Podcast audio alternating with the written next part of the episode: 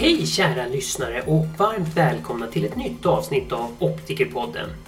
I år blev Optikerpodden inbjuden av Silmo Sverige att göra ett avsnitt från Silmo Paris som ägde rum mellan den 27 till 30 september. I år var det för 53 gången som Silmo Paris arrangerades. Denna stora optikmässa hade omkring tusen utställare från optik och glasögonbranschens alla områden. Men Silmo Paris är även en mässa som ägnas åt framtida innovationer, att lyfta fram talanger, skapa branschdiskussioner och ge utbildning. Efter mitt besök på Silmo Paris kan man säga att mässan kan delas in i tre stora forum. Silmo Next, Silmo Academy och Silmo Awards. Silmo Next är plattformen för framtidsforskning, framtidsdiskussioner och en central del utav Silmo. Här erbjöds diskussioner och föreläsningar kring framtidens marknader, affärsområden och hur tekniska framsteg kan förändra optikbranschen. Detta forum fick även en nytändning med premiären utav Silmo Hackathon som var ett interaktivt diskussionsforum där experter från olika områden under 24 timmar nonstop diskuterade och visualiserade morgondagens detaljhandel. För optiker och andra med intresse för ögon fanns Silmo Academy som i år gick under temat refraktion. Här fanns både workshops och vetenskapliga seminarier. Slutligen firade Silmo Awards sitt 25-årsjubileum och för 25 gången gavs prisutdelning inom yrkets kreativitet, originalitet, innovation och kvalitet under festliga former. Under min vistelse på Silmo Paris fick jag även möjlighet till några intervjuer som ni ska få höra i dagens avsnitt. Och vi börjar med att lyssna till min inspelning med en av personerna bakom Silmo Hackathon.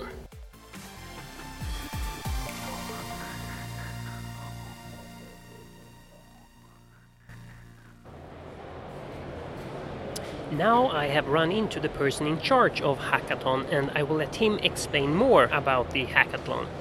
So tell me, who are you and what is your role in this? Well, I'm, I'm a designer and I'm a product designer, first product designer, actually most public politic designers. And I also teach in this school and in another one is a uh, architectural school in Grenoble. Can you just tell me a little bit more about the hackathon uh, today we will we will uh, we will work together. Two two kind of people will work together during 24 hours, and uh, we have two kinds of audience. We have designers, students, designers, and they come from a public school not so far from Lyon.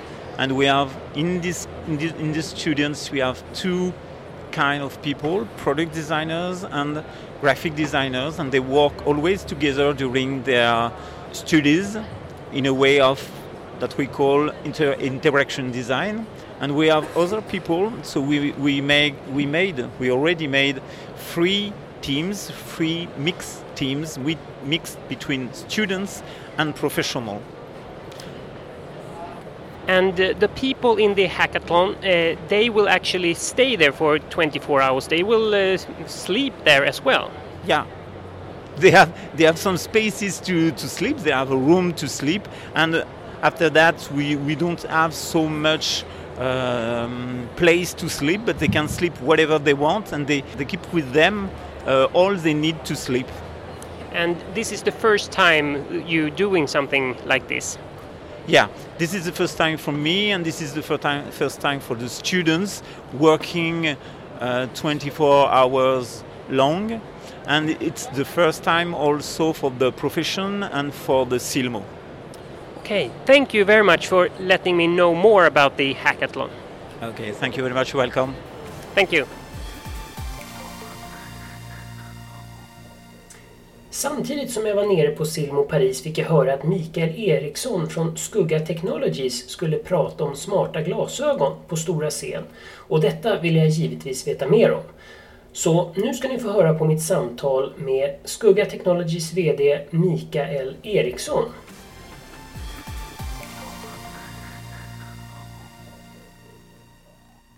Så, vi kan väl börja med att du gör en kort presentation utav dig själv så att lyssnarna vet vem jag pratar med. Jag heter då Mikael Eriksson och jag är eh, en av grundarna av Skugga Technology. Ett eh, företag som håller på med eh, IT-lösningar för glasögonindustrin bland annat. Jätteintressant. Vad gör du här på Silmo Paris då? Vi är här och presenterar vårt senaste samarbete och det är med McLaren Vision.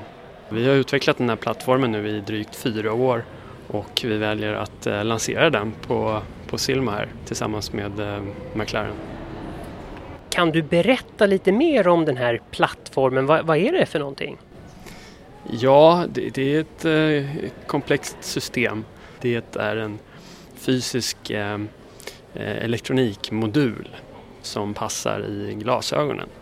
Och eh, vi har utvecklat den här modulen så att man kan designa Eh, glasögon kring den här som ser ut och känns som vanliga glasögon. Och eh, till den så ingår det sedan ett, eh, ett IT-system som vi kallar ett ekosystem för smarta glasögon. Där man kan koppla in olika aktörer som glasögongrupper som de kallas, de här licensgrupperna som, som glasögonindustrin består mycket av. Och sen så har vi de här varumärkena inom modeindustrin eh, och de vill vi koppla ihop med tredjeparts apputvecklare och eh, människor och andra aktörer som har nytta i ett sånt här stort system. Det är smarta glasögon som vi pratar om här alltså? Ja, det kan man säga. Kan du berätta lite mer, vad är smarta glasögon för någonting? Smarta glasögon är väl ett eh, paraplybegrepp på ganska många olika tekniker. Eh, det man pratar mest om det är såklart augmented reality eller förstärkt verklighet. Det vi är en ganska lång väg dit. Så just nu handlar mer smarta glasögon om eh, implementera elektronik på olika sätt med funktioner i vanliga glasögon. Så att paradigmskiftet vi står inför det är att ta de här bulkiga glasögonen som eh, sidan i Silicon Valley eh, ofta förespråkar med mycket funktioner men det är kanske inte så mycket eh, fokus på just eh, formfaktor. Och sen så på andra sidan har vi såklart eh, den rena modeindustrin eh, som håller på med eh, saker som vi gillar att ha på oss. Smarta glasögon står inför paradigmskiftet att eh, mergea de här två stora industrierna och det har inte riktigt eh, varit möjligt tidigare. Ska man säga, inträdeshindret för den här typen av teknik eh, i vardagligt bruk. Och, det är något vi kallar formfaktor. Så att inträdeshindret är formfaktorn. Och nu när elektroniken har blivit så liten då kommer det här stora paradigmskiftet eh, och vi kommer att få se mycket, mycket mer smarta glasögon i olika tappningar. Och i början här så är det kanske mer nischade, vad vi kallar vertikaler. Så att eh, ett par glasögon kanske bara används för att man springer och får information om hur man springer eller går. Och andra glasögon kanske monitorerar eh, din omgivning, eh, yttre faktorer som, som ljus och UV-ljus. Och, eh, det dröjer väl ett tag innan vi har de här augmented reality-glasögonen, men det kommer. I din föreläsning så pratade du om att glasögonen kunde samla upp information både inifrån och utifrån. Kan du utveckla det? Ja, inifrån det handlar väl om, om digital hälsa. Huvudet skvallrar väldigt mycket om din hälsa. Så framförallt ögonen, om man, om man mäter saker eh, i, i ögonen, typisk eye tracking och, och liknande metoder, så kan man få väldigt mycket hälsodata.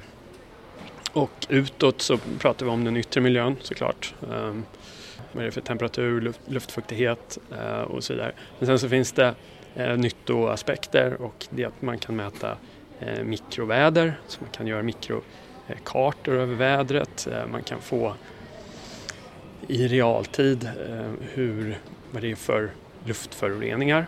Man kan mäta partikelhalten i luften bland annat och koldioxid. Kan vara att du sitter på ett möte och får reda på att nu finns det inget syre här i luften. Eh, nu, nu, går ett larm att de besluten du tar nu är inte särskilt kvalificerade. Och vi vet ju inte vad, vad som kommer hända utav det här utan vi utvecklar inte appar och vi designar inte glasögon. Utan vi bara ser till så att det finns en infrastruktur så att de här parterna kan ha ett gemensamt ekosystem och jobba i. Och det kommer absolut komma. Det finns ju redan Ehm, maskiner om man så säger men Google DeepMind kan, man, kan säkert avgöra 50 stycken ögonsjukdomar redan. Google DeepMind är en AI-uppsättning så att eh, man kan säga att det är, en, det är en AI som analyserar data och i det här fallet så analyserar den eh, olika ögonsjukdomar. Så. Okej. I din föreläsning så pratar du om vilka hot och möjligheter som du ser med smarta glasögon. Kan du berätta någonting mer om det? Ja, hoten i det här fallet är väl eh, riktade lite mot modeindustrin. För att eh, historien visar ju på att de stora techbolagen har väldigt stora resurser och eh, Eh, det har varit väldigt stora eh, disruptiva rörelser tidigare, det vill säga att techbolagen har tagit över eh, olika typer av tidigare stora branscher och eh, tippat dem eh, tvärtom kull helt enkelt. Och eh, nu är vi oroliga att det här eh, kommer hända modeindustrin om inte de trappar upp sitt eh, teknikintresse här ganska rejält. Ehm, så det, är ju, det är ju hot ehm, som vi kallar det. Möjligheterna i det här, ja, men möjligheter det är eh, nya typer av ehm, intäktsströmmar som då moderbolag och glasögonföretag skulle kunna dra nytta av.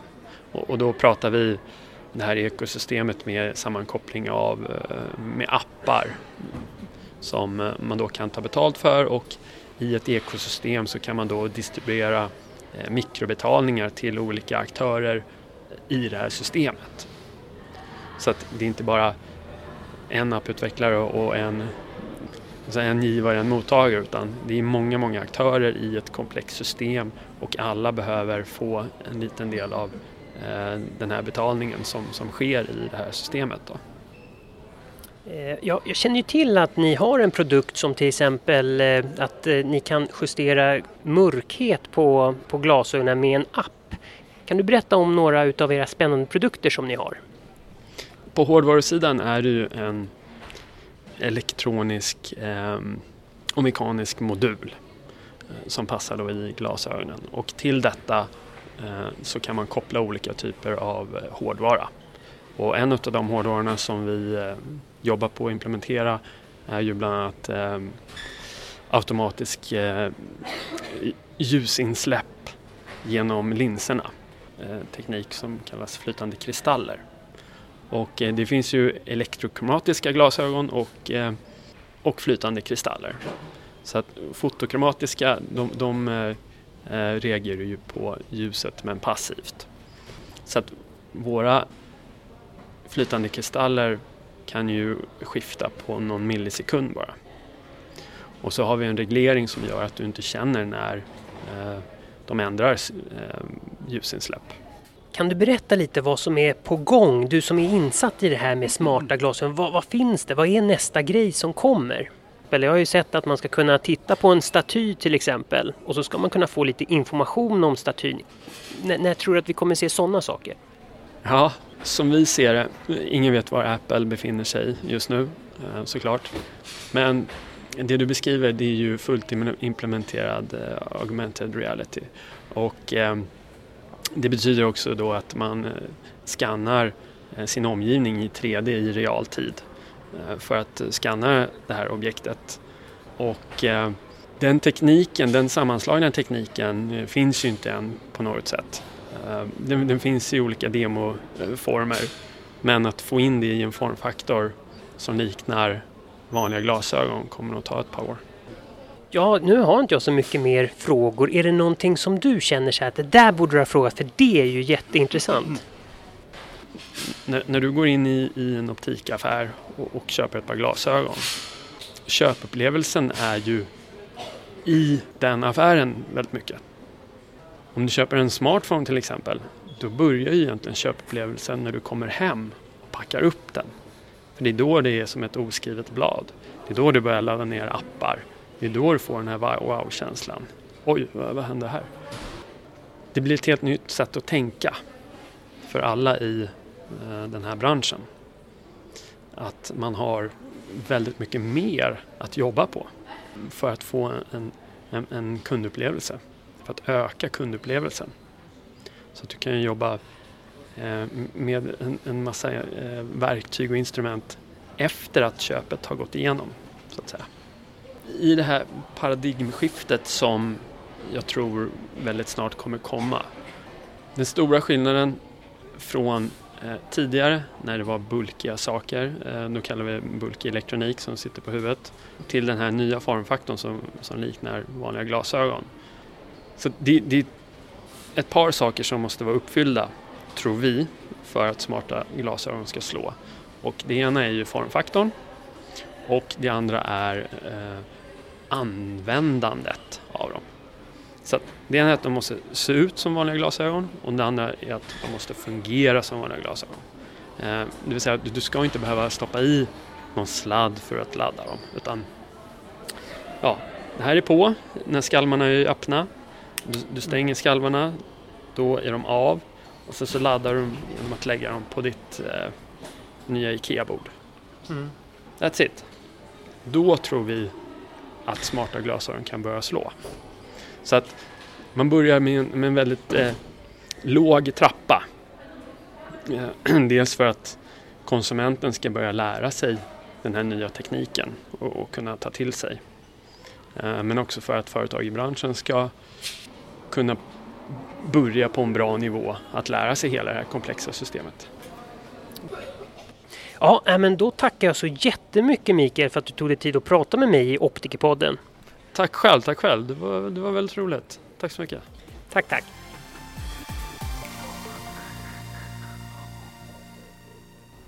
Under Silmo Paris fick jag även möjligheten att prata med en av föreläsarna från det nordiska trendseminariet.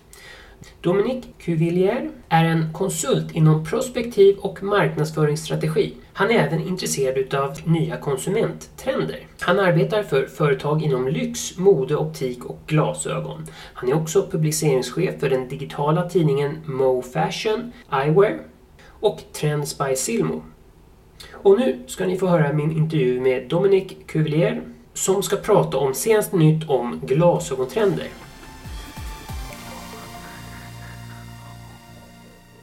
Hello and welcome to Optikerpodden. I'm very glad that you took the time to uh, talk to me. I'm very happy. Yeah, so thank you for that. This podcast is mainly for optometrists mm -hmm. and uh, the people uh, uh, from the optic business. Can we just start with a brief presentation of you and your background in the field of fashion and eyewear? On my own agency when I do prospective and marketing strategy for companies in fashion, luxury, and eyewear industry. I define myself as a captologist, and captologist is a capture the air of the time. My job is to uh, flare the air du temps, flare the, the movement of the, society, of the, society, flare the trends, and I make uh, uh, analysis and I make a synthesis of uh, different movements of society to help the society, uh, companies in fashion, luxury, uh, our sector. I help her to have the, the best way to, to find the future. I'm also a writer, uh, the last of which is Le Triomphe du Luxe Cool. It is a book uh, to, uh, that describes how why the luxury sector is evolving I think it's interesting to observe what happens with the, the, the luxury um, society, the luxury brands. Because they have, uh, the luxury sector is always grow up all of the time. The, the business is very uh, flourish. And I think it's very interesting to observe and to, to make uh, uh, uh, the same thing in, for example, the, the eyewear sector. My optical experience is already linked to my interest in glasses. I'm a collector for many years uh, because I must have about uh, 650 pairs of uh, glasses in my home. uh, sunglasses and optical glasses. And uh, I have uh, written books of the subject. And beyond that, I publish articles and columns in the eyewear sector from different magazines and uh, blog and so on. And I'm also a consultant for companies, brands, distributors, and of course Silmo. For the Silmo, I do the trends with the magazine Trend by Silmo and in the, the, the, the fair with the Forum Next. How do you do that? How do you sense the future? What do you do? Uh, I'm curious. I observe, analyze, I make a sentence, but it's all of the time in pragmatic perspective. I'm not a dreamer. I'm not. I, am not said. Tomorrow we are flying in the sky with. Uh, no, this is not interesting for me. My vision is always the next year, three years, and five years. I'm not futurologist. I'm really uh, in the reality all of the time. Of course, they're abusing my intuition. This is my mind. Explain to me first what is a trend and how do a trend start? It's a good question and a little bit complicated. But uh, a trend is a per- perceptive evolution of a phenomenon over a short or long period. It is important to uh, identify a trend as early as possible with certainty and precision in order to be uh, able to react and adapt the company's offer. Accordingly, quickly enough to take advantage uh, of it in the relation co- competitor. But, for example, if tomorrow um, I, I were in the street with my shoes on my head, I decide it's a trend. But if nobody follow me, it's not a trend. The people said, this guy is stupid, is is fool. But if many people so wow, it's very interesting, and wear their, their, their shoes on their head, it is a trend. A trend starts with one, two people, phenomenon, and so on. And if many people follow the movement, it becomes a trend. You understand? Yeah. yeah. There are short term trends related to design, aesthetics, shape, color of products, and there are long term trends uh, related to the societal perspective. For example, sustainable development, ecology, uh, which is a fundamental trend that changed the design, the use, and the products as an object. Ecolo- ecology, for example, that changed the society the change of color, the change of a shape don't change the society. But ecology or, or another phenomenon uh, change the society, uh, change the life of the people, changed the life of the, the, the citizens. And for example, uh, I think it's interesting in the glasses. In the glasses, we have all of the time new shape, new color, new material, and so on. But the future trends for me, for example, and in the for the, the five five years, uh, it's the connected glasses. For me, it's a real because the, the connected glasses will change our point of view, change our vision, and change how uh, the, the use of the glasses. Because it's not only for to see or to protect your eyes, it's always to help you to, to, to live. For example, to guide you. I, I think you, you can imagine that the connected glasses must should be interesting for the, the, the, the, the people who are the, the, the trouble with the, their view. Because you can imagine the, the future for me, I think the, the future of the, the connected glasses is for the eyes and for the ear. Because uh, the glasses can you, uh, for example, guide you in the street with the, the, GPS. Yeah? GPS, yeah. Yeah. And uh, because the, the, the glasses can speak, talk to you, you can understand. For me, it's the future. And for me, it's the big trend. It changed the industry, optical industry, because now the optical industry is just for the basic, with the lenses, the basic uh, problem of view, and, and it's a, just an aesthetic product, and it's very interesting and very important, of course. But the future, for me, the, the big trend, but the big trend in four five years future, is the connected glasses.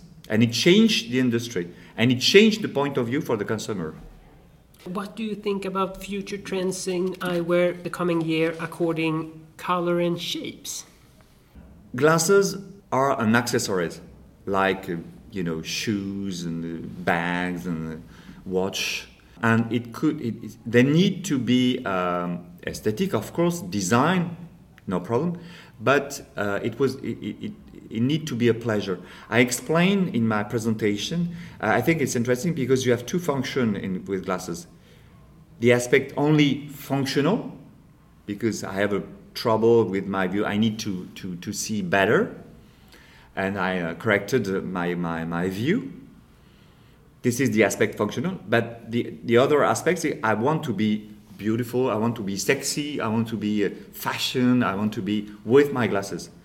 And it's not an equipment only to uh, to uh, correct the, the, view it's always to corrected my my uh, physical my charm my charisma uh, you know i think this is very interesting and the color are very important not to be a color flash or uh, to have a eccentric, but very uh, elegant, very chic, very surprise, very attractiveness. It's exactly like, uh, for example, as you can see with the, the sneakers. At the beginning, the sneakers is to make sports, to run, uh, to uh, as you, as you know. But now sneakers are uh, are becomes very fashion, and you have a proposition, incredible proposition with the sports brand, till Nike, Adidas, and, and the fashion company like Balenciaga, Dior, and so on. And uh, sneakers are really, really, really uh, the big example, the, the, the, best example to explain uh, how a, a, functional object becomes a fashion object. And this is the, the, same things with glasses. The manufacturers of glasses need to have this point in their, their, their mind to imagine the, the collection and not only the uh, functional or uh, aspect but they need to, to, to thought about the um, aesthetic aspect. What do you think? Is 3D printed glasses the future? Uh, will everyone have unique eyewear in the future? For me, the, the printed glasses are the future uh, it exists on many companies' proposal, Parasite and so on. They are very interesting about this kind of a product. But this is only to uh, uh, on the uh, as aspect, and uh, it, it is only a, it is just for, for design today. But in a three or four or five years, uh, these trends would really emerge. Because for me, I think it's interesting. You have two things. The first you can have a perfect fit for your glasses because you have the good measure, uh, you know, for your own eyes, ears, nose, and this is you have a perfect, you know, glasses for your face. This is the first point, and for me, it's very uh, the absolute comfort. Comfort. It's like for a uh, shirt in a tailor when you have a shirt sur mesure. This is exactly the same things, you know. And the second point, uh, the, the, the, the, possibility for the customers to have their own creativity. You can imagine, I am in uh, the future optician in front the, the computer to uh, design glasses, for example, a new form or with uh, details particular, etc. And I think it's possible because you can have a print, you can print your own glasses with your own design, with your own desire, with your own. Uh, uh, it's not not for the, the whole market because you, it's completely to have uh, your, your own idea to imagine uh, glasses. But I think it's interesting because the customer want to be an actor of the, the, the consumers, the consumption today, the consumption today. He wants to be uh, not a passive consumer. He want to be an active consumer, and uh, he want to have their own. I said the, the, the, the, the in the presentation the, the most important uh, trend is singularity. Singularity is the word it's more important. I'm unique person, I'm unique people. I, I, I want to have a unique object uh, on my face. And for me, it's uh, really interesting. Uh, for me, it's the future. You know, imagine your own product with uh, this kind of uh, technology. You can have in uh, metal, you can have in plastic, you can have different materials because this is the, the, the, the with the printed 3D, you can uh, print many many materials now. And when we talk about materials, um, I think that people think more and more about environment and, and recycling. How do you think that will reflect the, the eyewear industry? Today, today, uh, eco uh, responsibility is not the priority of the optical sector and eyewear industry. Uh, it's not the, the, the, the, the subject some glass maker and eyewear manufacturer are sensitive to do and uh, committed to it. Uh, some companies are interesting about it, but it is a niche today. But uh, it will change because consumer for alimentation, uh, transportation will demand a sustainable and ecological dimension we're buying of a different product. And tomorrow they will the same thing with the pair of glasses. The optical industry must to have a real uh, reflection about the uh, real thought about this new uh, theme to their production because today it's not the case with the consumer, but tomorrow the consumer will demand responsabilité civile, uh, produ- local production, uh, because they did, well, I, I buy glasses manufactured in China, this many kilometers to a pair of glasses, it's not really interesting. And I think they had the, the manufacturer have huge reflection to change the thing because today the consumer is not really interesting. I am many, I'm very interested in many study about this uh, uh, subject. This is not important. The first thing is important for the client today. It's, it's uh, the design of the glasses and the price. But tomorrow, the design, of course, the price, of course, and the, the third point tomorrow, it's the ecological, eco-responsibility, eco-conception, eco-material, and so on. Donc I think it's uh, important that the industry, the manufacturer, are change your mind about the subject. But of course, I think it's a little bit easy. And if you think about, we, we talk about the, the, the, the printed 3D, it's interesting to relocate the production with the, the printed. Uh, to uh, limit the carbon imprint print. For example, there are solution, uh, industry solution for these kind of things, and uh, the the manufacturer must integrate in their um, conception the eco conception, the recyclable uh, material uh, uh, and so on. I think it's a, a very they must thought about things.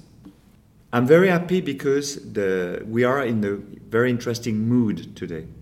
Because I think there are change, my intuition for me, we have changed about because we have a, a new challenge for this industry. And uh, the first challenge is to better understand what the customer wants. First point. The second point, the, the, the, change of the distribution, for example, Essilor, Luxotica, and, so on, because this is the huge actor and they change the industry. And the third point, the eco uh, uh, responsibility. And I think this is very interesting because the, this is for me a, a, a, turn for this sector.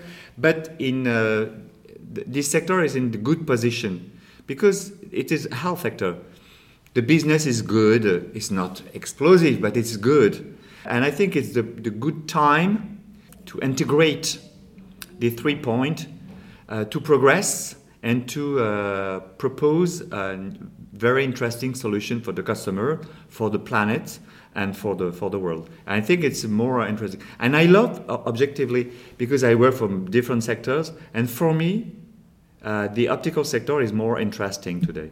Because, you know what? Because the industrial, the researcher, the designers are, are, are in this, this, this position uh, positive, optimistic, and they are uh, very open to change their, their production today. And I think it's more interesting because it's very, uh, as I said, very positive, and I'm very optimistic for the, for the future of the sector.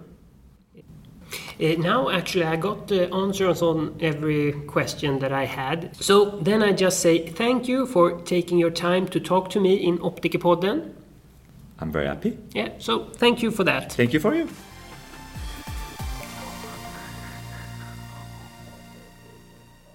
Och vi avslutar med att lyssna till min inspelning med en utav många besökare på Silmo Paris.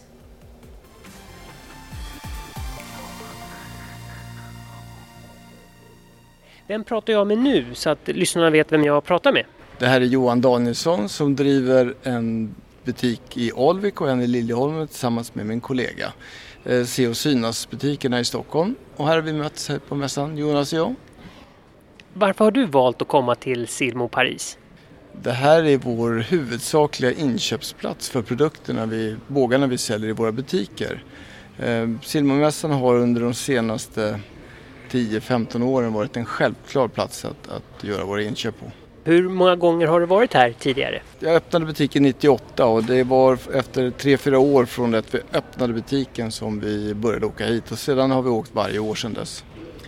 Vad skulle du säga skiljer eh, Silmo Paris mot exempelvis eh, Optikmässan? Ja, det är mer skillnader än likheter ska jag säga. Det, det, här finns det en oändligt antal utställare. Framförallt så finns det en mängd eh, eh små leverantörerna, små producenterna där ägarna är både designer och företagsledare Eh, som brinner för sina produkter och som har, det är, i min värld så är det de som är de ledande vad det gäller design och vad det ledande vad det gäller vad det som kommer att dyka upp i framtiden. Små independentföretag som gör bågar med en otroligt hög kvalitet, fin design. Ja, det finns ett utbud som är oändligt mycket större än vad vi kan se på Stockholmsmässan. Ehm, de stora leverantörerna som vi ser Eh, vars produkter finns i de allra flesta butikerna i Sverige. Eh, det är ju produkter som, som jag kanske inte är så intresserad av. Eh, därför att, framförallt för att det finns i alla butiker. Och ska man titta på bra design så är det, inte, är det inte hos de stora fabrikerna som de riktigt duktiga designerna jobbar. De jobbar ju oftast i egna bolag eller anställda hos, hos nischade mindre företag. Så designmässigt och i mina värld också kvalitetsmässigt så hittar man saker här som man inte hittar på andra platser. Vad ser du mest fram emot under Silmo Paris? Framförallt att se om man hittar ytterligare, ytterligare producenter som har produkter som kan intressera. Eh, men sen är det också en, en stort, man får en väldigt stor känsla av vad framtiden har i produktutbudet. Eh, det är, de, det är de små företagen som oftast väcker de nya trenderna och det som kommer att bli hos de stora leverantörerna om ett, två, tre år det finns ju redan idag hos de små leverantörerna här så det är här vi ser vart utvecklingen är på gång och vart designen är på väg. Vad är det för trender som du ser i glasögonbranschen? Det är väldigt mycket, eh, det är mycket hantverk. Eh, handgjorda bågar men det är också väldigt mycket Eh, fina material. 3D-print finns ju bland annat men eh, skinnbågar har ju jag själv som jag säljer i butiken. Eh, det finns eh, produkter av, det finns ju pappersbågar som är lackade som går mycket bra att ha även om de blir blöta. Det finns otroligt många nya material som man producerar bågar i. Eh, så jag tror att det, form är svårt att säga men eh, materialen kommer nytt hela tiden. Men jag brinner väldigt mycket för koskinsbågarna som jag har haft i butiken några år. Jag älskar dem och det det är skön komfort och det är en fantastisk känsla att... Eh, och det sticker ut, det är någonting annorlunda än vad alla andra har. Ingen kan ju se in i framtiden, men vilka trender tror du att vi kommer se kommande året i optikbranschen? Är det mer 3D-printade glasögon? Är det mer miljövänliga material? Vad tror du? Jag tror att det kommer att bli mer 3D-printat. Eh, jag har alldeles nu innan vi träffas här eh, till och med sett att man har börjat producera barnbågar 3D-printade. Eh, så jag tror det kommer. Jag själv är inte helt hundra på 3D-printade bågar än så länge för jag upplever att materialet är aningens dött. Men jag är övertygad om att i framtiden kommer att lösa problemet och få materialen få mer en bättre känsla i materialet. Människor blir ju mer och mer engagerade i miljön. Är det någonting som vi kommer se avspeglas på glasögonindustrin? Hoppas det. Eh, jag har ju ändå insett att alla unga människor i Sverige och framförallt unga akademiker eh, fokuserar väldigt mycket på miljöfrågor och att eh, ett företag som, är, som jobbar med, prioriterar miljöfrågor eh, blir en viktig, en viktig del i om man ska söka arbete där. Det jag upplever är nog också det här med slit och släng och bågar med kvaliteten har en stor miljöpåverkan. Eh, att köpa tre bågar som har en kort livstid eh, kommer ju vara en större miljöpåverkan på jordklotet än att köpa en kvalitetsbåge som håller länge. Det är ändå produktionen som är det, det som påverkar miljön mest. Och kan vi minska produktionen och istället göra kvalitetsbågar som håller länge och som också folk, folk är stö, stolta över så kommer det såklart kunna ge en positiv effekt för, för miljön inom optikbranschen. Jag kan faktiskt säga så här, jag tycker det är väldigt kul att eh, du som, som ansvarig för podden eh, också uppmärksammar de här stora internationella mässorna. För jag tror att optikbranschen behöver fler optiker som faktiskt åker ner och tittar på vad det är som finns på världsmarknaden. Istället för att vi ska vara bara, det är i princip samma bågar i alla butiker som tillhör de stora kapitalkedjorna och även en del av de fristående kedjorna. Eh, jag tror att både kunderna och butiksägarna själva skulle få en stor glädje i att inse att det finns en, en otroligt mycket större marknad än det vi ser i Sverige.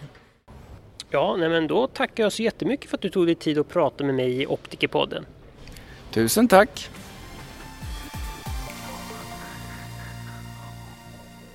Tack igen alla gäster som medverkat i dagens avsnitt och tack till alla lyssnare som valt att lyssna och jag hoppas att ni har lärt er någonting nytt från Silmo Paris. Prenumerera gärna på Optikerpodden via Soundcloud, iTunes, Acast eller via Spotify så att ni inte missar några avsnitt. Vi hörs!